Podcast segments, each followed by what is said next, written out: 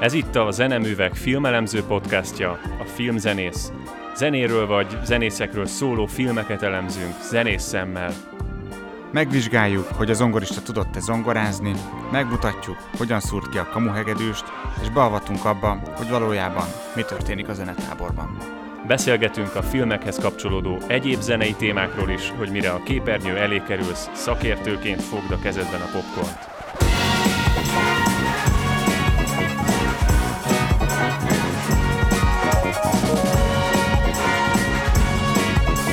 Sziasztok, én Dénes Oroszki Marcellel ülök szemben, és Szerű Dénesnek hívnak, és elérkeztünk a Filmzenész második évadának második epizódjához, azaz a Filmzenész Podcast 12. epizódjához. A Hétköznapi Mennyország című filmről beszélgetünk, ez ugye a második adása a filmnek, tehát tele leszünk spoilerekkel, belemegyünk a cselekménybe, és levonjuk a tanulságot. Marci, akkor vonjuk is le. Mi ennek a filmnek a tanulsága? Neked. Mi volt a tanulsága? Számomra a filmnek a tanulsága az talán közel van a cél nem szentesíti az eszközt témához. Ezt fejtsed ki, kérlek. Amikor ezek az amatőrök együtt énekelnek, akkor egyáltalán nem az a fontos, hogy ez szépen szóljon, hogy ez nagyon-nagyon ritmikus legyen, hogy a szavak nagyon jól meg legyenek formálva, Pontosabban ez is lehet fontos, és ez valószínűleg ott van az ő céljaiknak valahol így a sorában, de nem, nem ez dominálja a rendszerüket, hanem sokkal inkább az élményszerűség. Az, hogy az éneklés, a kórusban énekelés, és egyáltalán az együtt zenélés, az valamiféle közösségi élménynek a megszerzésére alkalmas kvázi bizonyos szempontból. Tehát a zenélésen keresztül kapcsolódunk egymáshoz emberek, és a zene az itt nem cél, hanem eszköz.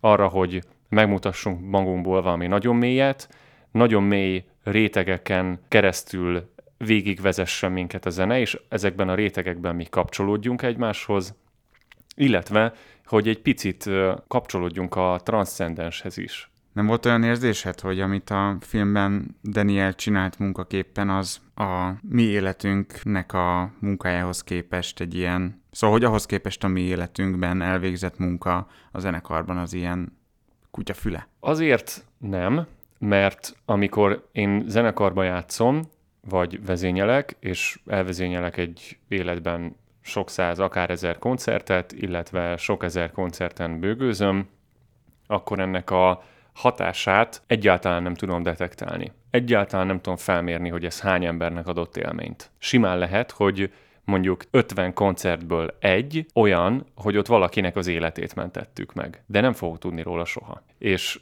itt most nagyon sűrítve látjuk azt, hogy milyen ereje lehet egy zenés missziónak. Itt van ez a eleinte 8-10 ember, aztán 30, akiknek az életét gyökeresen reformálja meg a zene, aminek egyébként Daniel csak közvetítője. És itt nagyon látványos az, hogy itt ú, micsoda nagy hatással van az életre, meg a közösségükre, ugye, és nem csak a, a kórus közösségére gondolok itt, hanem akár a falunak a közösségére. Viszont én azt gondolom, hogy ha majd egyszer így ránézhetünk arra, hogy a munkánknak milyen hatása volt, úgy amúgy mások életére, gondolok itt a, a akár a földön túli, akár valamilyen más típusú életre, akkor fogjuk látni, hogy ez az életen átvezető misszió azért, azért szintén hordozott magában gyümölcsöket.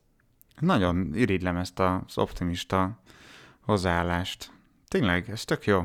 Én, most, én de most gondolj bele, van. hogy hallgattál bizonyos felvételeket, nem tudom, 80-as évek, Stalingrádi zenekar, akárki vezényel, és valamilyen szólistát hallgatsz és olyan élményed van belülről, hogy azt a rohadt mennyire jó. Na most a 80-as években a 62 éves bácsi, aki ott brácsázik, az ugyanúgy hozzáadott ez az élményedhez ma 2020-ban. Szerintem ez így működik, nem? Szerintem azért ezt karmesterként ö, könnyebben gondolhatja magáról az ember.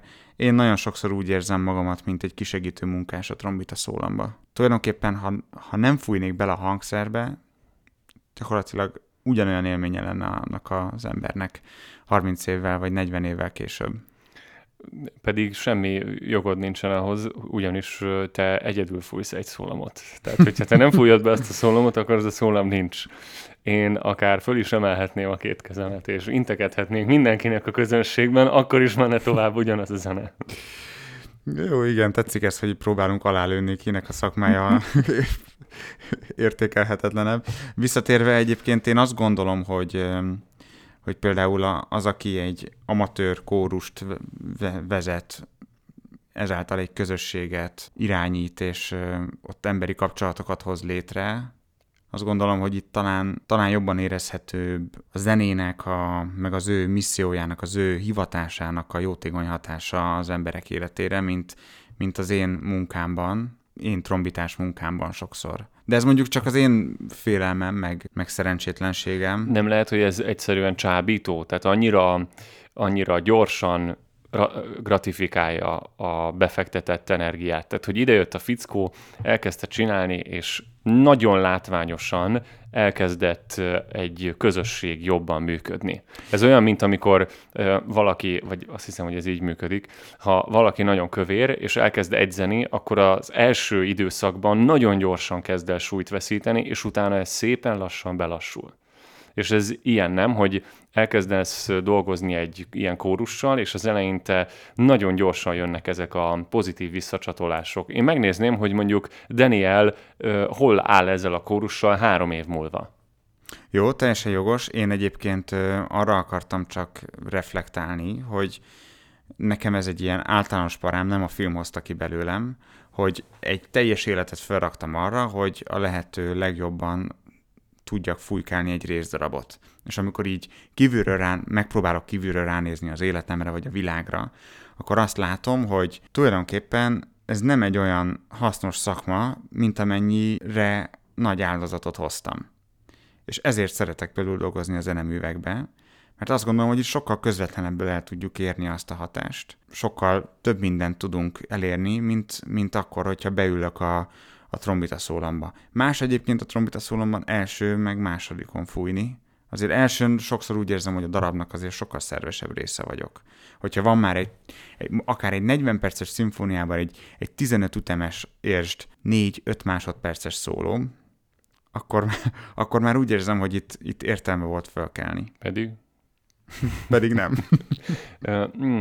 Én azt hiszem, hogy talán a kutya ott van elásva, hogy neked van egy nagyon erős ilyen missziós vágyad. Neked arra van igényed, hogy az a munka, amit csinálsz, annak maradandó eredménye legyen. És maradandó eredménye legyen a közösségben, akiket éppen Nem elér, vagy ahol eredmény, éppen hatás, vagy. Hatás, hatás. igen, ami alakítja az embereket. Uh, ahol, ahol te át tudtál adni valamit abból a, hát most ilyen magasztosan fogalmazva, kegyelemből, amit, amiből te részesülsz azáltal, hogy ilyen közel vagy a zenéhez. Hogy te belementél ebbe a munkába évtizedeken keresztül, iszonyatosan sokat kiástál ebből az alagútból, olyan, olyan kincseket találtál, amit azok, akik nem mentek végig ezen a munkán, nem találnak meg, és az az élményed, hogy ennek a kincsnek csak akkor van értéke, hogyha meg tudom osztani másokkal. Mert hogyha fogom a kincset és elmegyek egy lakatlan szigetre, ott ugyanolyan értéktelen lesz, mint bármelyik más kavics vagy fadarab. És ez akkor értékes, hogyha van kivel megosztani, nem? Igen, meg, meg olyan érzésem van sokszor, hogy ez így lárpullár. Tehát, hogy...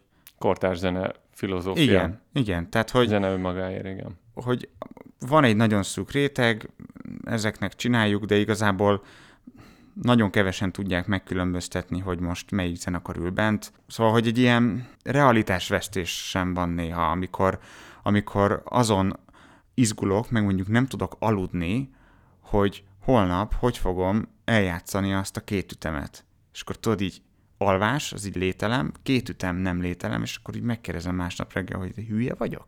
Hogy két ütem miatt izgultam? Értem. Az jutott most így hirtelen eszembe, hogy ha a zenérodalmat nézzük, akkor kortárs zenét úgy állandóan aktívan, nagy közönség számára, mondjuk a 20. század első feléig játszottak. És az ilyen nagyok, Mahler, Bruckner, Strauss halála után valahogy így ez elkezdett szépen lassan kiveszni. Nyilván a háborúk is részt vettek ebben, hogy a kulturális élet az rombolódott, sőt, a kulturális élet nagyon-nagyon más irányt vett, hiszen ez az egész zene esztétikát, zene filozófiát alapjaiban forgatta ki ez, a, ez az egyetemes élmény, és azóta tulajdonképpen más se csinálunk, így az általánosan általános értelembe vett zenekari zenészként, mint sem az elmúlt évszázadok zenéjét próbáljuk minél jobban és jobban eljátszani. És szerintem a 20. század második fele szólt erről, hogy ki az, aki a lehető legjobban tudja ezt eljátszani. És szerintem óriási verseny volt a zenekarok között, melyik zenekar tudja ezt jobban megvalósítani, szebb hangzást, még többet kihozni, melyik karmester tud még újabb ötletekkel előállni, vagy még mélyebbre menni mondjuk például a barokk zenekutatásban, és még hitelesebb forrásokat találni. Ez egy tök nagy verseny volt. Szerintem ma ott tartunk, hogy mondjuk egy berlini filharmóniánál jobb zenekari hangzást nem nagyon lehet kicsiszolni egy szimfonikus zenekarban. A világ legnagyobb zenekari zenészei ülnek ott bent, bármit el fognak játszani, bármit lefújnak az égről, lehekedülnek, lebőgőznek. Tehát a, a bőgőseik, csak ez a hát úgy mondjam, a zenekari hierarchiában, meg egyáltalán a hangszerek hierarchiában ez egyik legalantasabb hangszer. Olyan hihetetlen virtuozitásra képesek a legrosszabb zenészeik, amikről itt a zenekarok többségének a szólamvezetői csak álmodni mernek. Tehát egy ilyen együttes játszik, mindent meg fognak csinálni. Barokk zenében ugyanúgy. Mondjuk talán ott még lehet újabb és újabb gondolati, gondolati mélységeket szerezni, um, hiszen időről időre előkerül egy-egy újabb ilyen együttes, akik a csúcsnak hit Gardineri munkát, vagy a csúcsnak hit Gardineri munka mellett egy hasonlóan érdekes interpretációval és hozzáállással teszik le a, a statementet a barokk zenében, de úgy nagyon másban szerintem már nincsen verseny. Már tudjuk, hogy mi a csúcs.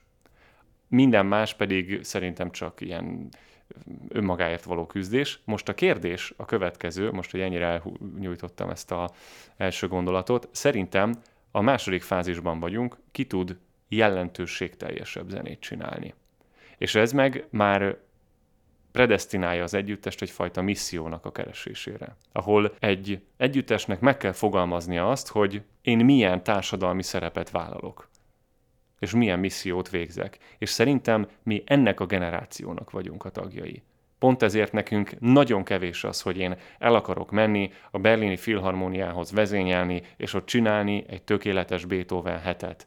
Számomra ez annyira üres életcél, már pedig rengetegen vannak, és járják a versenyeket, és a karmesterkurzusokat, és uh, ahol ugye a nagy része az arról szól, hogy feltérképezzük, hogy a korosztályunkban nagyjából plusz-minusz 5 év kik vannak, akik versenytársaink lesznek a következő 15 évben, ezekkel találkozunk versenyről versenyre, mindig megveregetjük egymás vállát, mindig más valaki nyeri meg a dolgot, van, akit jobban elismernek, van, akit kevésbé, van, akit beemelnek az elitbe, akkor elkezdi a nagyobb zenekarokat vezényelni, továbbra is virágról virágra száll, zenekarról zeneszkarra száll, nagyon kevesen vannak, akik megengedhetik maguknak azt, hogy egy zenekarral dolgoznak, vagy hárommal. Az is bőven elég. Bőven elég. Egy zenekarból csináljál varázslatot. Na mindegy. Szóval, hogy utána egy 30 év ledolgozott munka után elvezényelsz egy tökéletes Beethoven hetet, és úgy gondolom, hogy ez egy csalódás lehet. Tehát, hogy vagy valahol össze kéne törnie a képnek, nem? Olyan magas a hegy, hogy innen már csak zuhanni lehet. Hát szerintem itt az alapvető kérdés az az, hogy ugye ez egy olyan művészeti ág, ami akkor marad fönt, hogyha műveljük. Az elsődleges feladatunk az, hogy műveljük. Tehát a Beethoven hetedik az csak akkor Beethoven hetedik, amikor éppen játszák. Tehát akkor születik meg, nem olyan, mint egy festmény, amit meg tudod, föl tudod venni, valahogyan meg tudod fagyasztani azt a pillanatot, de igazából mindannyian tudjuk, hogy az az igazi élmény, a világ legjobb felvételét kiöltözhetsz, beülhetsz a legjobb hangfalak elé, nem lesz olyan, mint egy középszar zenekarnak a koncertje. Az egy Mirelit zenei élmény. Igen, igen, igen. És akkor utána, utána elkezdődik a, ez a csiszolgatás, hogy na de hogy tartsuk fent, hogy műveljük? Hogy tartsuk életben, mik, a, mik azok a szempontok, amik alapján életben kell tartanunk. És ugye szerintem itt, itt válik ketté egy csomó minden, hogy, hogy önmagunkért műveljük ezt a művészeti formát, tehát hogy ez egy ilyen öncélú folyamat, vagy pedig a közönségért tesszük az egészet, vagy mondjuk mind a kettőért, vagy, vagy akkor most ez hogy van. És egyébként szerintem itt egy nagyon, nagyon érdekes kérdés, amit a, a film fölvet, és itt, itt szerintem érdemes ráfordulni, hogy kiknek kell zenélni, meg maga a zenei élmény, a zenei közeg, az, az, az hol élőbb? A profik köz, közelében, vagy profik között, vagy az amatőrök között? Hogyha ezt nagyon lebutítva kéne így mondani, akkor én azt gondolom, hogy a profi és az amatőr mentalitás között a különbség az sokszor az, hogy a profik között az ember van a zenéért, az amatőrök között pedig a zene van az emberért. Egy kicsit olyan, mint az élsport meg a délutáni focizás között a különbség, nem? Igen. Mert azt tudjuk, hogy az élsport egészségtelen. Tehát egy olyan mozgásforma, ami egészséges, annyira túl lehet tolni, hogy egészségtelen. Hány olyan zenész van, aki nem hallgat zenét? Megy A-ból B-be, és nem, nem bír zenét hallgatni. Uh-huh. Ha mert... megérzem, én is egy kicsit ilyen vagyok, hogy egy idő után már sok. Tehát, hogy, hogy képzeld el, beszélgettem múltkor egy, egy ö, ismerősömmel, és mondta, hogy annyira szívesen ö, zenélne, és hogy teljesen ilyen komoly zenőrült, és hogy, hogy hát ő úgy sajnálja, hogy ez a hajó elúszott, és hogy még így néha zongorázgat, meg nem tudom, de hogy igazából már, már mindegy, mert már sose lesz belőle zenész. És így mondtam neki, hogy figyelj, a zene által, vagy a zenélés közben átélhető élményeknek a, a nagy része az akkor van, amikor, amikor nem azért csinálod, mert kell, nem azért csinálod, mert az egy munkahely, hanem akkor csinálod, amikor akarod, amikor az a kikapcsolódás. A hova menekülsz, és nem az, a honnan elmenekülsz. Szerintem ez egy óriási különbség. És, és szerintem ez a filmben nagyon jól látszódik, hogy ami, amiből elege lett, és amitől egyébként utána folyamatosan, ahogyan ez visszatér az életébe, ahogyan szóba kerül a verseny, vagy mielőtt fölmenne a legvégén a színpadra, annyira jól látszik, hogy ez a szorongás, ami elfogja. Ott kisfaluban meg tudja élni Daniel azokat a boldog perceket, amiért ő zenész lett. És onnantól kezdve el, elindul, amit a Kemény Dénes fogalmazott úgy, hogy miután elvesztették a hát elvesztették, hát nem nyerték meg a negyedik olimpiai bajnoki címet, és kiestek, azt mondta, hogy nüansz függők lettünk. Amikor már egyszerűen kifut a dolog. Nem tudsz a lényegre koncentrálni, hanem, hanem ezeken az apróságokon elúszik a dolog tökre ezt érzem néha a munkahelyen. Olyan apróságokon kezdünk el befeszülni, hogy elfelejtjük az egésznek a, az egésznek az örömét, és visszacsatolva az előző epizódhoz, ahol az idegbeteg karmesterekről volt szó, amikor egy karmester üvölt, hogy sokkal szebben, vörös fejjel üvölt, hogy, hogy, hogy lélekből, meg sokkal szebben, akkor azt érzem, hogy teljes realitás van. szóval Ért, érted ezt a kettőséget? Igen, van is egy olyan emléke Danielnek, hogy egy koncert során elment az áram, és sötétben játszottak tovább a zenészek. És azt hiszem, hogy ez egy annyira váratlan fordulat volt minden akár belefásult, akár csak közepesen belefásult zenész számára, hogy egy egészen új keretrendszerbe helyezte az ő tevékenységét, és ott hirtelen össze kellett kapaszkodni és megoldani egy vészhelyzetet. És amikor azt mondja, hogy 58 másodpercen keresztül érezte azt az egységet, akkor az azért van, mert valahol ahhoz, hogy ezt a helyzetet megoldják, mindenkinek a legmélyebb erőforrásig le kellett nyúlni. Szerintem ez egy nagyon-nagyon magával ragadó pillanat, de térjünk is vissza egy picit a cselekményhez, mert szerintem itt sok pont van, amit ki kell emelni, amik szerintem aranyat érnek. Az egyik ilyen pont az, hogy miért vállalja el a kántorizálást, meg a kórusvezetést Daniel. Mert ugye megérkezik a felkérés, és igazából nem is nagyon reagál, meg nem tudom, még gondolkodik, nem? És aztán az egyik boltnak az eladója, Léna, későbbi szerelme, ad neki egy kazettát, hogy hallgassa meg. És nyilván ő szarik rá, és teljesen elfelejti, hogy nála van egy kazetta. Aztán megkérdezi a legközelebbi találkozásnál, hogy meghallgatta, hmm, jó, na jó, és akkor hazamegy, és elkezdi meghallgatni. És iszonyatosan lelkes lesz tőle, mert egyrészt egy szép hang. Tehát, hogy ami szólott, az valóban egy nagyon szép hang, az nagyon jó alapanyag kórusnak. Másrészt pedig szerintem felidézi azt az élményt, amikor a zenéért zenélt, a zene öröméért. És ez olyan lelkesedést hoz belőle elő, hogy rohan a lelkészhez, és rávállalja az egész munkát azonnal. Tehát hogy szerintem ez egy nagyon-nagyon erős pillanat, ahol így megsejtünk valamit abból, hogy milyen változáson fog végigmenni Daniel. Igen, ez egyébként ez nagyon izgalmas, hogy nyilván nem lett belőle, volna belőle film, de azért szerintem előfordulhat az is, hogy valaki egy ilyen életút után, meg egy szívinfarktus után azt mondja, hogy, hogy ő soha többet nem akar foglalkozni zenével. Szerintem vannak ilyenek, és szerintem nem is biztos, hogy ő akart foglalkozni. Bár mondjuk oda rendelte a zongoráját, meg nála volt a hegedűje. Igen, tehát valami, tehát a magot azért magával vitte, és egyébként amint, amint jött az első, első ötlet, és amint, amint megtapasztalt valami ilyen, ilyen naturális zeneiséget abban a hangzóanyagban. Romlatlan. Igen, a, a, a, az ébresztette föl szerintem a, a karakternek a vágyát a felé, hogy itt most, itt most lehet valami olyasmit csinálni, ami teljesen távol áll attól, amit ő eddig csinált, mégis, mégis zene.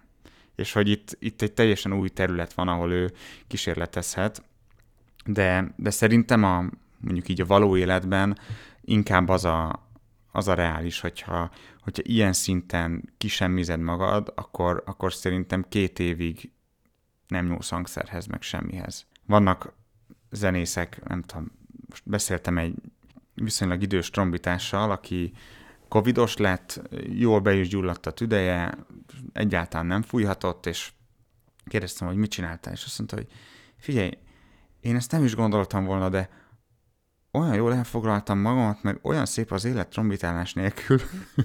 szóval nem tudom, nem trombitált vagy három hónapig, vagy valami ilyesmi és uh, simán... látok rengeteg. Igen, és azt mondta, hogy egyáltalán nem hiányzott. Persze.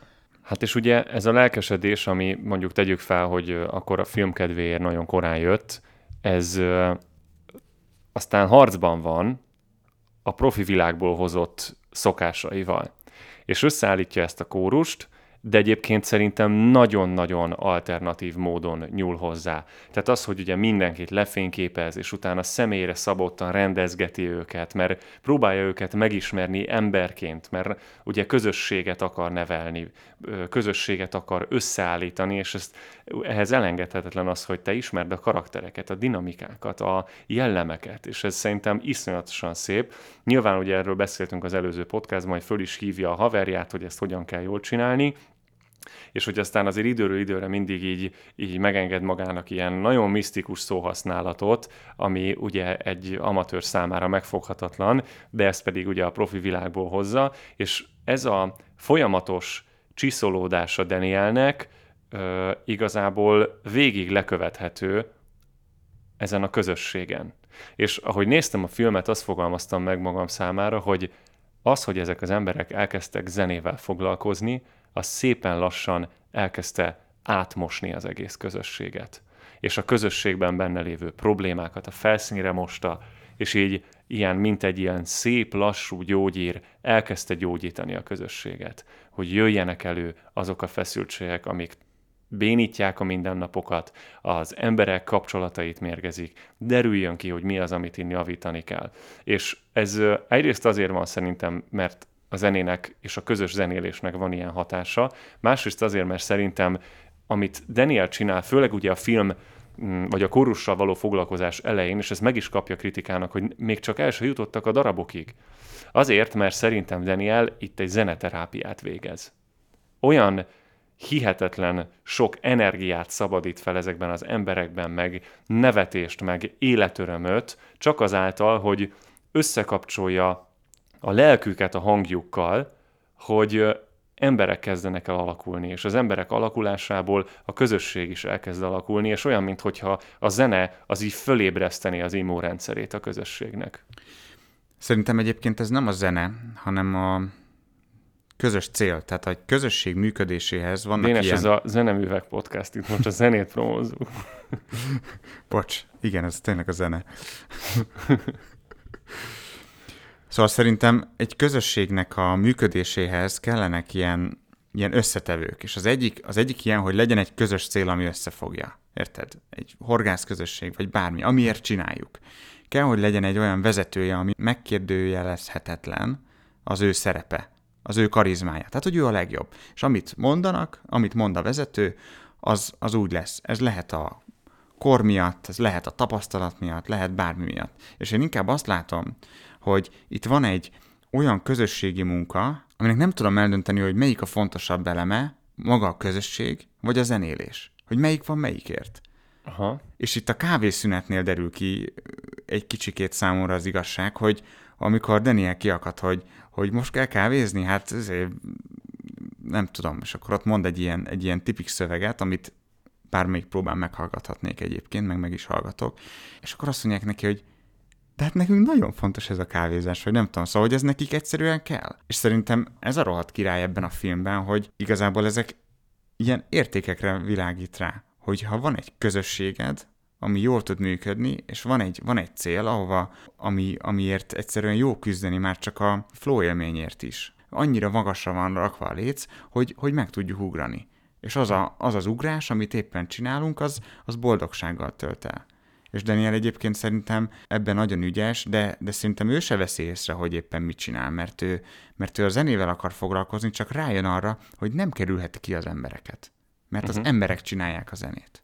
Ami nekem egy ilyen iszonyatosan durva jelenet volt, amin így nagyon valahogy együtt tudtam rezonálni. Van az a pillanat, amikor így elkezdenek úgynevezett klaszterben énekelni, egy, uh. hogy mi a klaszter? A klaszter az egy olyan akkord, nem is akkord, hanem ilyen hangtorlasztás, ahol fürtökben lógnak egymáson a hangok, tehát tehát ilyen nagyon sok hang egyszerre szólal meg, ami már nem akkord, hanem egy ilyen hangfürt. És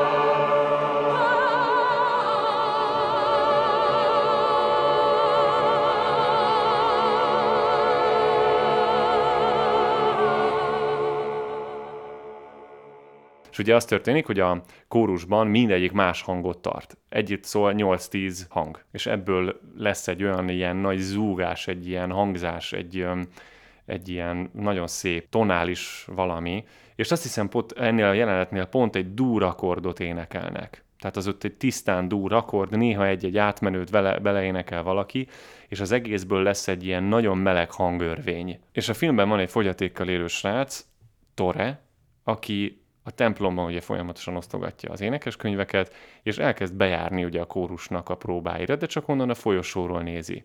És egyszer csak így beront közéjük, amikor szól ez a gyönyörű dur akkord, és a közepébe akar beleállni ennek a hangörvénynek. És azt hiszem, hogy ez a szerep, amit Tore ugye betölt ebben a közösségben, ez valahol egy ilyen hihetetlen erős tükre annak, hogy, a zene az mennyire mély rétegeket érint meg a lélekben. Azzal együtt, hogy az énekesek ott állnak és éneklik ezeket a hangokat, a legőszintébben ezt az egészet Tore éli meg. Amikor nem tud nem oda rohanni és megfürdeni ebben a hangárban. Egyszerűen azt érzi, hogy, hogy itt lenni jó.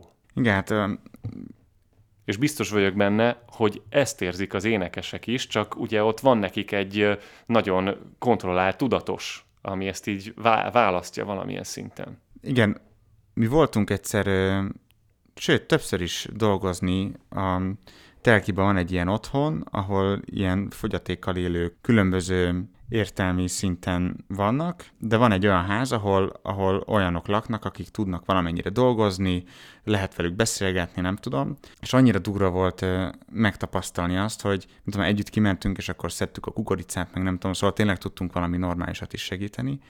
És annyira durva volt megtapasztalni, hogy bennük nincsenek azok a tanult szociális gátak, és emiatt ilyen nagyon vicces dolgok történtek. Például az, hogy, hogyha nem tudom, mondasz egy poént, ami nekik tetszik, általában tetszik minden, akkor így oda jönnek és megölelnek. Szóval, hogy, hogy így, így tudod azt, hogy ami, ami neked csak egy mosoly, vagy nem tudom, az, az neki az, hogy oda jön megölel, és hogyha szimpatikus vagy neki, akkor nem nagyon ereszt. És ez ilyen annyira durva, és egy kicsit ezt éreztem itt is, hogy az, ahogyan ő beront, az az, hogy ő nem tud ebből kimaradni. És sokkal hamarabb megérzi, sokkal hamarabb meglépi azt, amit aztán, aztán később csak az első koncerten mernek a többiek meglépni, hogy jelentkeznek a kórusba. Ő az első, aki jelentkezik a kórusba. Ő az első, aki rájön arra, hogy itt a B-nak is nyolctagú kórusban valami tök király dolog elkezd Legalábbis dolgozni. megérzi. Igen. És na jó, nem, ne kanyarodjunk még előre a, a, a csattanóra, de nyilván nem véletlen, hogy ő belőle indul ki a helyzetnek a megoldása.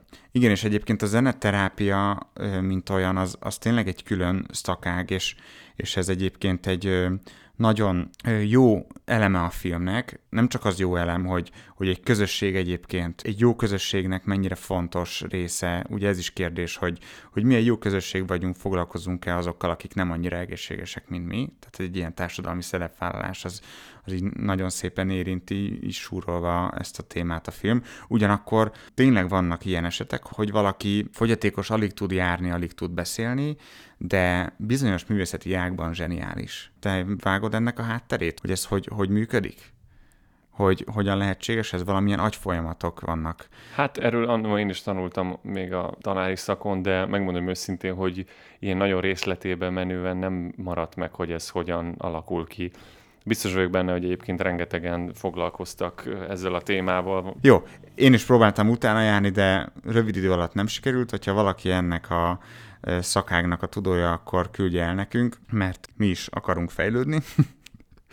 Mint ahogy Léna is akar fejlődni, és szeretne külön órát kérni Danieltől. És Daniel belemegy, és elmegy Léna erre az órára, ott van egy ilyen akár félre is érthető jelenet, aztán később rájövünk, hogy ez csak úgy érthető, tehát hogy itt nyilván köztük van egy, egy vonzalom. Nem is ez a lényege a jelenetnek, hanem azt kéri Daniel tőle, hogy szabadítsa fel a torkát, és hogy engedje ki a hangját. És akkor az a válasz a Lénának, hogy nem meri. És ez annyira vagány párbeszéd, ugyanis nekem nagyon-nagyon sokszor mondták az énektanáraim, hogy ahhoz, hogy mondjuk magas hangokat énekeljünk, ahhoz tényleg csak annyi kell, hogy elhiggyük, hogy el tudjuk énekelni, és legyen bátorságunk elénekelni.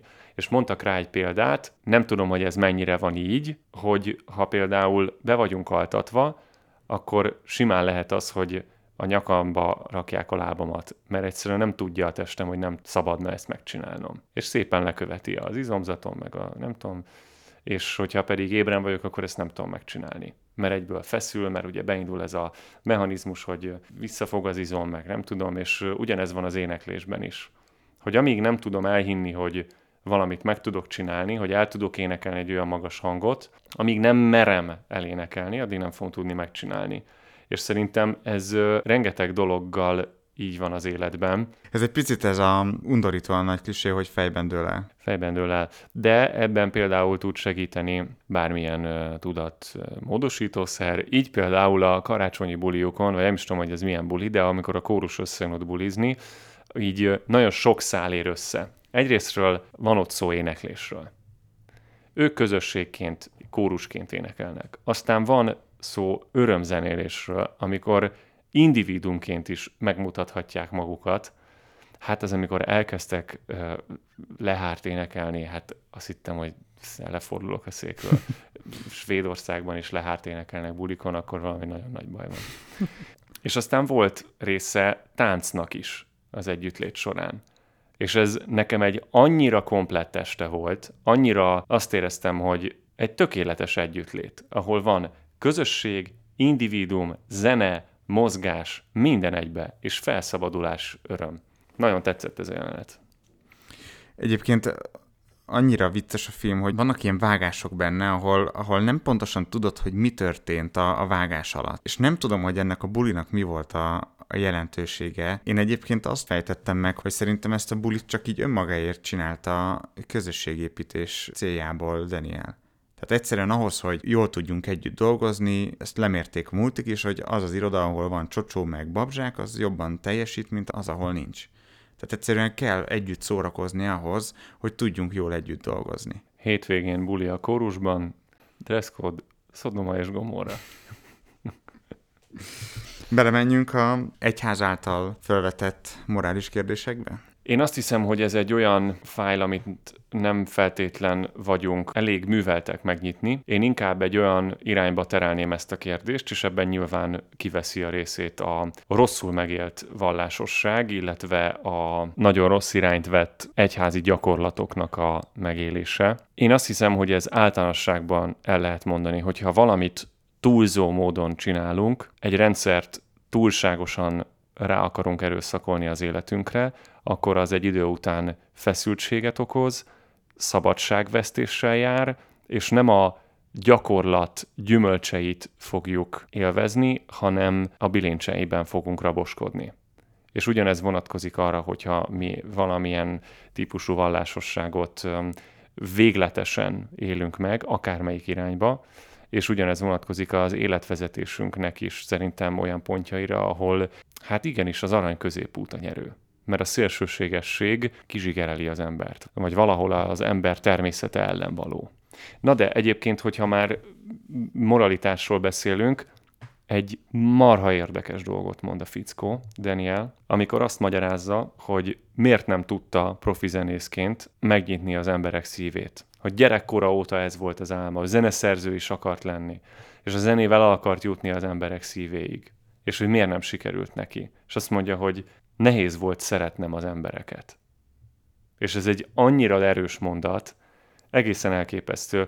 Nem tudom, hogy ez, ez csak véletlenül találta meg az írója a darabnak, vagy pedig tényleg ennyire mélyen belelát a, a művészet filozófiába, hogy igazából ennek talán mi a legmélyebb, legfontosabb pillanata, a kapcsolatteremtés az előadókkal, és egyébként nagyon elgondolkodtatott, hogy amikor én kimegyek a pódiumra és körbenézek az emberek között, nyilván egyébként post-covid időszakban már sokkal jobban megnézem, hogy kikkel, kiknek zenélek.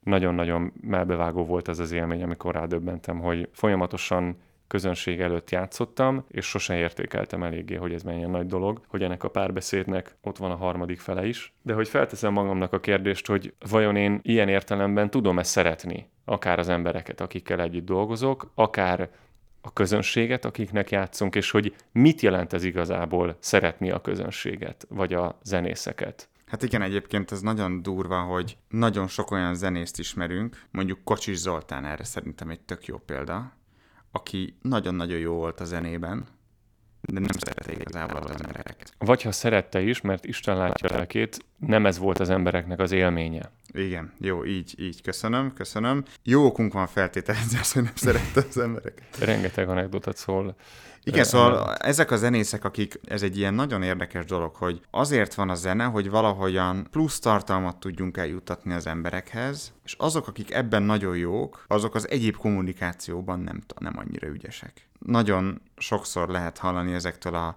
nagy zenészektől, akik nehezen kommunikálnak az átlag emberekkel, vagy a többi zenésszel, vagy nem tudom, hogy csak a zene meg csak a hangok, csak a, csak a zeneszerzők mondják el, csak a hangok mondják el, hogy mi az igazság. És így annyira nehéz ebben nekem élni. Szerintem ez az, amiben tönkre ment Daniel is. Mert ez redukálja a párbeszédet két főre. A zeneszerzőre, az ideára, és a megvalósítóra, az előadóra, akinek ezt reprodukálnia kell. És akkor ez a két fél, az könyvbe lábadt szemmel figyeli a hangzóanyagot. És elfelejtenek arról gondolkodni, hogy ez valakinek íródott, ennek a hanghullámnak egy másik fülben van célpontja, és szívben. És szerintem ez itt marhára előjön, hogy egy nagyon mély megértése van Danielnek, hogy ez nem párbeszéd, hanem ez igazából három félnek a beszélgetése. Ami nekem még rettenetesen tetszett, és valahol azt éreztem, hogy na igen, ilyen egy nagyon-nagyon jó vezető, van az a koncert, amikor Gabriella szólót énekel, és a fickó beáll közéjük. Nem vezényel, semmi izé, ott áll köztük. Na, ez nekem annyira tetszett, volt is egy hasonló élményem, amikor még az Willis Ferenc Kamara kórusban énekeltem, akkor amikor jött egy vendégkarnagy, ugye Nemes László Norbert a karnagyuk, egy hihetetlenül jó zenész és egy fantasztikus pedagógus, nagyon-nagyon sokat tesz a magyar zenéért és a zeneoktatásért. Rendszeresen hív meg külföldről karmestereket, karnagyokat, és amikor ezek a karnagyok jönnek énekelni, akkor nem egyszer beáll énekelni ő is. Nem tudom, hogy éppen engem akart-e akkor meghallgatni, mert mondjuk még új voltam a kórusban, vagy csak simán ő is bariton, meg én is bariton vagyunk, és mellettem volt hely, ezért beült mellém, de olyan jó élmény volt ott vele együtt énekelni, és megtapasztalni az ő zeneiségét, nem csak a vezénylésén keresztül, hanem azon keresztül, ahogy a énekel, ahogy a hangokat formálja, ahogy a szöveget mondja, és vele együtt rezonálni aktív zenélés közben. Ez óriási élmény volt, és szerintem ez is egy igazán jó vezetőnek az ismérve, hogy egyszerűen semmilyen pillanatban nem hagyja ott a csapatát, sőt, akármilyen forma legyen. Legyen az, hogy be kell állni közüljük. Egyszerűen asszimilálódik az együttessel. Igen, ez király. Na, ítélkezzünk. Szerintem a film az egyik legmélyebb zenefilozófiai kérdéssel foglalkozik. Mi a zene célja, miért születik a zene, kinek születik a zene, és azt hiszem, hogy világosan megmutatja számomra egészen vitathatatlan módon azt, hogy a zene van az emberért, és nem az ember a zenéért. Én nagyon örülök, hogy ezt így a nagyon sokszínű amatőr zenélésen keresztül mutatja be. Nagyon tetszik az, hogy a különböző emberi viszonyok láthatóan a zene hatására hogyan fejlődnek, hogyan tisztul ki egy közösség, hogyan jönnek elő feszültségek és gyógyulnak meg kapcsolatok, és egy piros lámpa nekem zenészként, hogy mi az, amire így a következő 30-40-50 évben igazán hangsúlyt kell fektetni. Ez nálam abszolút egy 10-ből 8-9-es film. Igen. Nekem az a tedes előadás jutott eszembe, nem tudom, hogy ezt ismered-e, ahol egy kutató kiáll 70-es években, most nem akarok hülyeséget mondani, de nagyon régóta van egy olyan kutatás, generációkon keresztül fut, azt kutatják, hogy mi a boldog élet titka, mitől boldogok az emberek. És nem a 70-es években kezdődik, hanem a második világháború után indul ez a kutatás, hogyha jól emlékszem, de most megígérjük, hogy berakjuk a linket ehhez az előadásra, vagy ennek az előadásnak a linkjét. Hiszem 10 perc, vagy valami ilyesmit, szóval nagyon megéri megnézni.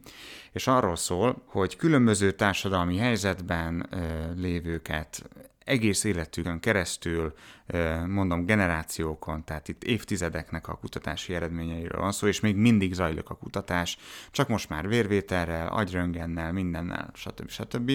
És azt állapították meg, hogy a jó élet titka az a jó kapcsolatokkal van kikövezve. Az emberi kapcsolatokon múlik a boldogság. Nem a pénzen, nem a hírneven, hanem azon, hogy a körülöttünk élőkkel milyen minőségű a kapcsolatunk. És kimutatták, hogy azok, akiknek családja van, jó családja van, akik, akik nem magányosak, hanem közösségben, barátokkal tudják leélni az életüket, azoknak egyszerűen boldogabb az életük, boldogabbnak tartják magukat. És nekem ennek a filmnek ez az üzenete, és annyira örülök, hogy ezt a zenén keresztül mutatja be, mert igazából az egyik legnagyobb öröm, vagy az egyik legdurvább ilyen minőségi lépés az életben, amikor valakivel együtt tud zenélni, vagy valakivel meg tudod élni a zenei élményt, akár úgy, hogy elmész egy koncertre, akár úgy, hogy, hogy aktívan műveled. De hogy ezeknek a emberi kapcsolatoknak nagyon szerves része a zene, nekem ezt mutatja meg a film, és mivel szeretem az emberi kapcsolatokat, meg szeretem a zenét, meg szeretem ezt a gondolatot, és nem én mondom, hogy helyes, de, de én egyébként én is helyesnek tartom, mi szerint a, a jó élet a jó kapcsolatokkal van kikövezve, ezért szerintem is ez egy, ez egy nagyon-nagyon erős film. 8-9 minimum, az csak azért nem 10, mert azt ugye nem, nem merünk adni. Ez volt mára a Filmzenész Podcast. Jövő héten már egy másik filmet hozunk nektek, addig is kérünk, hogy bárhol hallgattátok ezt a podcastot, iratkozzatok fel, illetve ha tetszett az epizód, értékeljétek, hogy minél több emberhez eljusson a mai beszélgetésünk is. Kövessetek minket a Facebookon, és csatlakozzatok a Zeneművek hallgatótáborához, hogy nehogy lemaradjatok a különböző programjainkról. Jövő héten találkozunk, sziasztok!